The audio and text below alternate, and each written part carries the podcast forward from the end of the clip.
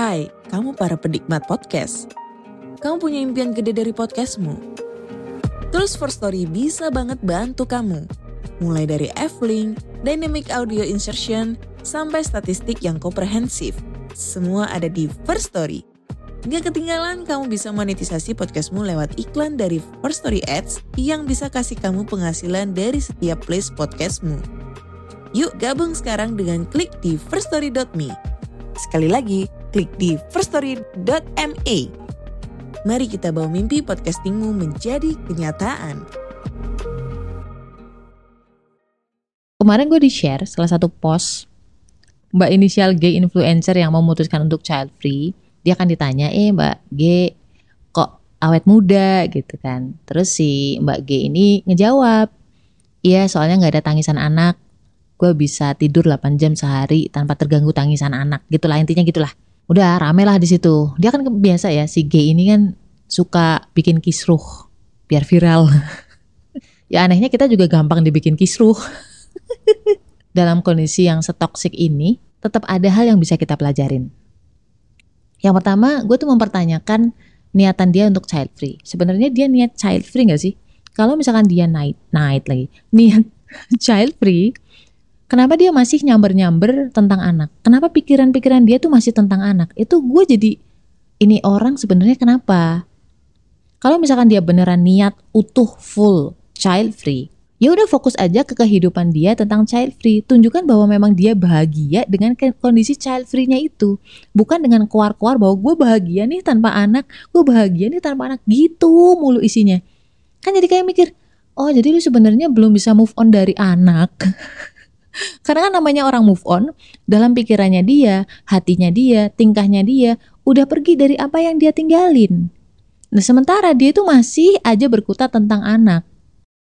Dulu itu pas kuliah di semester pertama, itu ada teori tentang perkembangan psikososial manusia.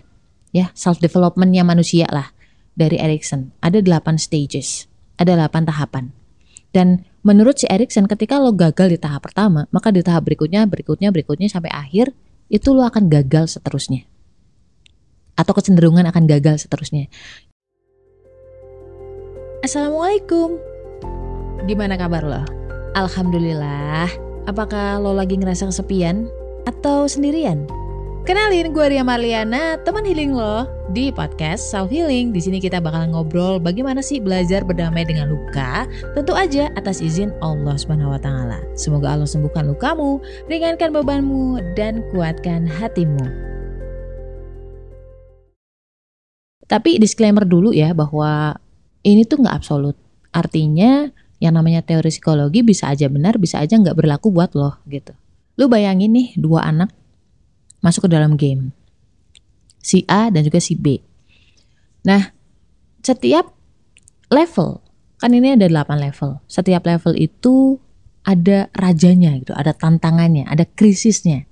Kalau lo bisa ngelewatin, lo berhasil untuk masuk ke tahap selanjutnya. Tapi kalau misalkan lu gagal di tahap ini, di tahap satu misalkan atau level 1, nanti di level 2 kamu akan makin kesulitan. Gagal juga kemungkinannya. Ini level pertama, stage trust ya. Nah, si A, anak ini tuh dibesarkan dengan kasih sayang, dikasih ASI. Pokoknya halus lah dan ibunya ada di situ. Sering dipeluk, sering dicium. Akhirnya si bayi A ini merasa aman, merasa safe. Dia bisa percaya sama orang. Oke? Okay? Sedangkan bayi yang B kebalikannya. Dia ditelantarkan dan kadang dibentak. Sering dikata-katain, aduh gue nyesel punya kamu. Karena dia tidak mendapatkan rasa safe, dia tidak menemukan seorang ibu atau seorang teman, akhirnya dia nggak percaya sama sama orang. Bayi B ini berarti dianggap tidak berhasil. Lalu lanjut ke tahap berikutnya di usia satu setengah tahun ke atas sampai dengan tiga tahun. Si bayi A dibiarkan untuk mengeksplorasi banyak mainan, benda-benda di sekitarnya. Terbangunlah rasa percaya dirinya. Karena apa? Karena nggak dikit-dikit dilarang. Nah sedangkan si bayi B mau megang apa? Jangan, jangan, jangan. Nanti kamu terluka. Nanti kamu jatuh. Dia terlalu dikontrol oleh orang tuanya. Dia nggak boleh ngapa-ngapain. Dia hanya boleh bergerak selama dia diizinkan bergerak. karena memang dari awalnya dia memang sudah nggak percayaan sama orang ketika dia mau melakukan sendiri nggak boleh sama orang tuanya dia menjadi tidak mandiri dia ragu boleh nggak boleh nggak kayak gitu lanjut ke tahap berikutnya adalah inisiatif dan versus rasa bersalah si bayi A ini karena memang dia terbiasa mengeksplor sesuatu dia udah mulai terbangun rasa percaya dirinya akhirnya dia berinisiatif untuk mengambil mainan yang jauh dari tempatnya bermain Nah si bayi B ini dalam usia 3 sampai 6 tahunnya itu karena tidak boleh melakukan apa pun, karena sering dilarang, sering dimarahin kalau jatuhin barang ya. Akhirnya dia mudah merasa bersalah. Terus dia takut melakukan sesuatu. Dia nggak inisiatif. Lanjut ke tahapan berikutnya, pertama adalah ketekunan versus rasa rendah diri. Ini usia 6 sampai 12 tahun. Tadi ya, bayi A itu kan berkembang dengan rasa percaya dirinya. Dia yakin dia mampu. Akhirnya karena dia punya percaya diri, dia berpikir bahwa dia pasti bisa kok, bisa kok gitu. Dan karena dia optimis, dia akan tekun menjalankan sesuatu sampai selesai. Sedangkan si satunya, si bayi B ini, dia belum apa-apa udah, aduh, aku nggak mampu ah, aku nggak bisa ah. Udah rendah diri duluan, dia merasa dia nggak mampu, bahkan sebelum mencoba. Karena dia udah ada mental block. Akhirnya menjadi orang yang nggak produktif dia hanya menjalani hal-hal yang isinya aman aja, aman-aman doang, nggak berani ngambil risiko. Stage selanjutnya adalah usia 12 sampai 18 tahun. Ini tentang identitas diri ya. Si bayi A ini karena dia udah melakukan banyak hal, dia mencoba banyak hal, bertanggung jawab atas banyak hal. Dia mencoba berbagai peran baru, contohnya organisasi, menjadi ketua kelas, cemerlang lah. Sedangkan si B karena merasa inferior, merasa minder, merasa rendah diri, dia kayak ah enggak, gue nggak mampu jadi ketua kelas. Dia tidak banyak melakukan peran baru. Dia justru lebih cenderung menutup diri. Dia hanya mencari teman-teman yang aman-aman aja, menjadi penyendiri. Karena dia tidak melakukan banyak peran, dia tidak mencoba banyak peran, skillnya juga minim. Akhirnya dia bingung dia sebenarnya mau ngapain ya di dunia ini. Ke depannya gue mau jadi apa ya? Bingung dia. Lalu stage berikutnya adalah usia 18 sampai 40 tahun. Ini nggak mutlak ya, nggak absolut, tapi memang biasanya di usia 18 tahun watak kita itu udah mulai kebentuk. Kita udah mulai berani menunjukkan bahwa ini lo gue. Uh, stage ini adalah stage keintiman versus isolation. Keintiman. Jangan mikir yang aneh-aneh dulu ya. Orang yang berhasil si bayi A ini kan karena dia pede udah banyak peran yang dia coba, dia udah mempelajari banyak peran yang lain selain dari diri dia, dia mulai mencari teman. Mencari teman gak cuma teman doang, tapi teman hidup yang punya satu visi yang sama. Sedangkan golongan golongan darah B lagi, sedangkan bayi B, bayi lagi. Ini kan udah dewasa mbak, oh ya deng. Sedangkan si B, karena dia itu inferior, dia minder, dia merasa nggak seberharga itu, dia tidak merasa baik untuk memiliki pasangan, dia memutuskan untuk nggak menikah. Bisa aja kan kayak gitu. Atau misalkan menikah pun ya udahlah seadanya aja, sedapatnya aja gitu. Tapi akhirnya ketika dia punya pasangan pun dia cenderung yang banyak hal yang dia nggak setuju dari pasangannya, cuman dia pendem aja. Ya cuman dia simpan sendiri aja tanpa dikomunikasikan. Tahap berikutnya adalah generativitas versus stagnasi. Aduh, ngomong apa sih mbak? Ya intinya gini lah ketika orang udah punya peran, terus dia punya pasangan, bahkan dia udah punya anak gitu ya, kan si A ini akhirnya berpikir bahwa hidup itu nggak cuma tentang dia, tapi bagaimana cara dia memberikan makna atau value atau nilai atau kebermanfaatan kepada sekitarnya, yaitu kepada lingkungannya, lingkungan kerja, termasuk nih lingkungan keluarganya, termasuk anak. Mungkin mereka yang belum punya anak mulai berpikir bahwa, ah, oh, gue mau kasih value ah, nggak cuma ke anak orang lain nih, gue mau pengen punya anak untuk memberikan value memberikan dampak yang baik kepada anak gue, lalu anak gue bisa memberikan kontribusi kepada masyarakat. Ya, jadi berpikirnya tuh lebih bijak, lebih jauh si A. Sedangkan si B kebalikannya, karena dia sebenarnya orangnya kan minder ya, rendah diri, self love-nya atau self esteem-nya atau rasa berharganya tuh rendah. Memang dipupuk dari kecil seperti itu. Setiap stage dia selalu gagal, selalu gagal, selalu gagal. Dan di tahap ini dia pada titik di mana dia nggak mau meneruskan keturunan, dia lebih cenderung sendirian aja, dia lebih cenderung selfish atau egois. Ya udahlah ini gue udah nyaman kok seperti ini ngapain gitu? Ngapain ngambil resiko? Itu kayak gitu. Dan ada banyak orang seperti ini sekarang yang B ini gagal di tahap ini akhirnya sebenarnya dia memupuk rasa kecewa dari masa-masa lalunya atau stage-stage sebelumnya.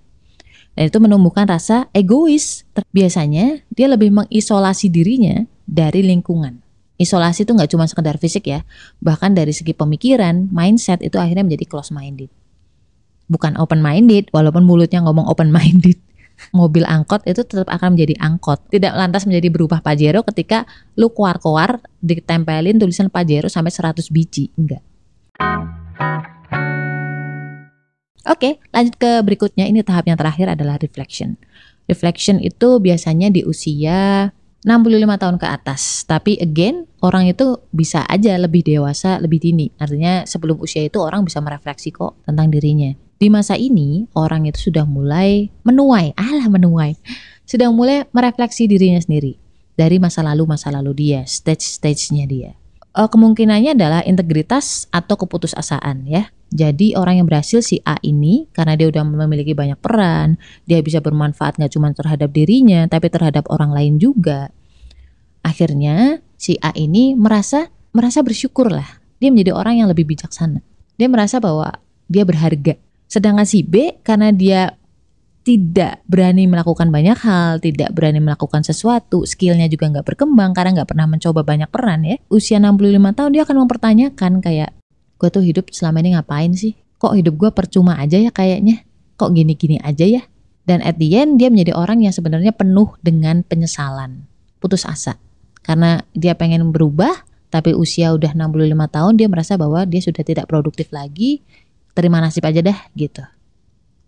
Menurut gua, goal dari ke-8 stage ini adalah rasa berharga lo, rasa kebermanfaatan lo, atau sebaliknya kamu akan merasa bahwa hidup lo itu percuma, bahwa sebenarnya lo ada di dunia atau nggak ada di dunia sama aja, nggak ada perannya, nggak ada value, nggak ngasih value apa pun. Kalau di Islam, manusia yang paling baik adalah yang paling banyak manfaatnya. Pertanyaan selanjutnya adalah, Mbak, apakah memang ketika kita gagal di stage 2, 3, 4, apakah selanjutnya kita akan gagal seterusnya? Kalau menurut Erikson mungkin begitu lebih cenderung ke indikasi ya. Kalau psikologi kan kita nggak bisa memastikan. Tapi kalau gue karena pegangan gue adalah psikologi Islam, Quran dan juga hadis, enggak, enggak kayak gitu. Allah yang maha membolak-balikan hati dan kepribadian manusia itu datangnya sebenarnya dari hati. Ada orang, cewek, ketika kecilnya sampai dia usia mungkin sampai 30 tahun, dia masih menjadi sosok seperti si anak B tadi. Tapi ketika dia punya anak, eh dapat ketiban duren punya anak. bukan yang direncana. Tapi justru ketika itu Allah tolong dia. Allah membuat luka-lukanya di masa lalu itu sembuh. Masya Allah ya. Dengan perantara atau dengan sebab anak.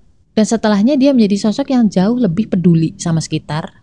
Dia nggak seenaknya sendiri, dia lebih cenderung kayak berpikir dulu sebelum melakukan sesuatu. Berpikir itu kan bukan hanya untuk dirinya, tapi bagaimana tanggapan lingkungan nantinya. Terus dia berpikir bagaimana dia bisa memberi manfaat ke orang lain. Dari kacamata gue tuh dia menjadi sosok yang tidak seegois dulu. Itu beneran. Ketika gue tanya kenapa sih lu sekarang berubah? gitu. Dia jawabnya adalah gue takut. Ketika gue masih seperti dulu anak gue niru. Dan gue paling benci dengan orang-orang yang kayak gue di masa lalu gue gue nggak mau anak gue tuh merasakan rasa nggak nyaman luka batin luka jiwa seperti yang gue alamin dulu. Gue nanya lagi lu bisa sebijak ini kayak sekarang itu gimana sih awalnya? Gitu. Dia bilang ke gue Jujur ini bukan proses yang sebentar, tapi ketika gue baca Al-Quran, gue buka hadis, gue pelajari, gue ngaji lagi, ternyata di Al-Quran, di hadis itu banyak banget kalimat-kalimat yang membesarkan hati gue. Seolah-olah Allah sendiri bilang ke gue, Rasul sendiri bilang ke gue bahwa gue tuh berharga, lu tuh mampu, lu tuh bisa. Ayolah, cobalah, dan itu tuh ada di Ali Imran 139. Silahkan dibuka ya. Jadi pemirsa, kalau gue bisa bilang, mungkin si mbak influencer ini memang belum move on dari masa lalunya, belum sembuh dari luka-luka jiwanya. Kalau gue ngeliat kayak tipe-tipe yang si anak B ini ya, bisa jadi kita juga sebenarnya masih ada luka jiwa gitu. Nggak perlu kacamata atau lensa kita todong ke dia, mungkin kita perlu untuk ngaca juga bahwa mungkin kita masih sama daripada sibuk ngurusin dia yang nggak penting itu mending kita tuh refleksi oh mungkin gue selama ini memang masih merasa belum berharga. Jadi kesimpulannya adalah orang itu menjadi seperti dia sekarang ternyata ada banyak stage yang mungkin kita tidak tahu di masa lalunya seperti apa, watak bawaannya bagaimana. Ternyata tidak selalu yang namanya teori psikologi, tidak selalu juga yang namanya hasil tes kepribadian, hasil tes mental issue dan kawan-kawan itu menjadi penjara buat kamu untuk tidak bertumbuh. Kamu masih bisa berubah, kamu masih bisa sembuh. Yang namanya tes psikologi itu hanya berlaku di saat kamu lagi tes. Bersifat seasonal atau kondisional. Jangan kamu gantungkan nasib kamu yang sifatnya permanen terhadap sesuatu yang sifatnya kondisional. So apa pun masalahnya ketika lo lagi berat, apalagi materi kali ini ya berat banget. Semoga kita bisa mengambil ibroh lah dari apa pun. Setoksik apa pun itu pasti ada pelajarannya. Oke? Okay? So, la haula wala quwata illa billah. Stay love and assalamualaikum warahmatullahi wabarakatuh.